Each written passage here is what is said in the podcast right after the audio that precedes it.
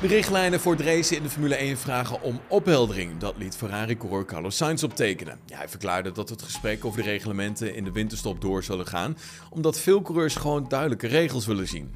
Met name de inconsistentie van de stewards vormt een groot probleem. Na de Grand Prix van Brazilië is de discussie opnieuw aangewakkerd. Het verdedigen van Verstappen ten opzichte van Hamilton in bocht 4 vormde daarbij het voornaamste twistpunt.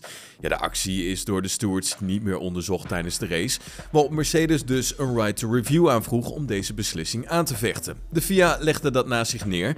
Ja, duidelijkheid is echter nodig, zo beargumenteert Hamilton al eerder. Ik denk dat iedere coureur, behalve Max, vraagt om duidelijkheid. Wedstrijdleider Michael Masi zei in Qatar nog dat de regels duidelijk gemaakt waren. Ook al gaf hij wel toe dat sommige coureurs het niet met hem eens waren. Carlos Sainz denkt dat er ook een langer gesprek nodig is, zo zei hij tegenover autosport.com.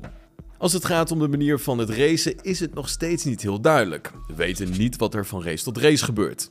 Het gesprek over de manier van racen gaat dus door in de winter, zo zegt Carlos Sainz. Hij hoopt dat daardoor bepaalde regels duidelijker worden en dat de stewards ook consequenter worden qua beslissingen.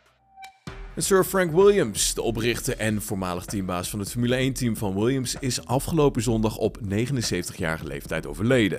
De voormalige teambaas werd afgelopen vrijdag opgenomen in het ziekenhuis en is in bijzijn van zijn familie overleden.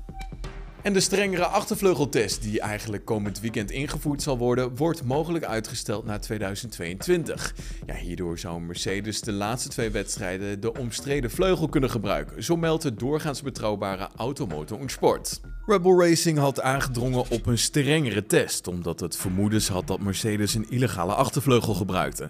Maar ja, lijkt er echter op dat de FIA de nieuwe testmethode dit seizoen niet meer gaat invoeren en de reden hiervoor zou tijdgebrek zijn.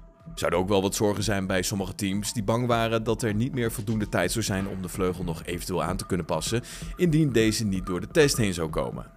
Dat de testen dit jaar niet meer zullen plaatsvinden betekent overigens niet dat het niet helemaal meer geïmplementeerd zal worden. Het idee is om de strengere regels vanaf 2022 toe te passen. En Max Verstappen die staat op de lijst voor de titel van Sportman van het jaar, zo maakte de NOS bekend. Verstappen stond in 2016 ook al op de lijst en werd toen daadwerkelijk benoemd tot Sportman van het jaar.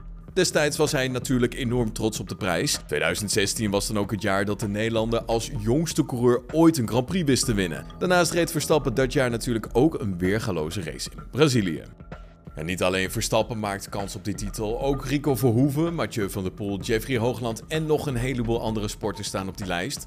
Op 12 december worden de definitieve nominaties bekendgemaakt en dat is ook de dag dat de laatste Grand Prix wordt verreden. Ja, is dat toeval? Misschien, wie weet.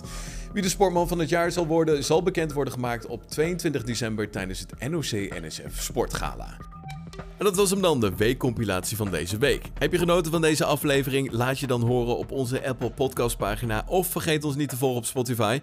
En dan zie ik je morgen weer. Tot dan. Hoi.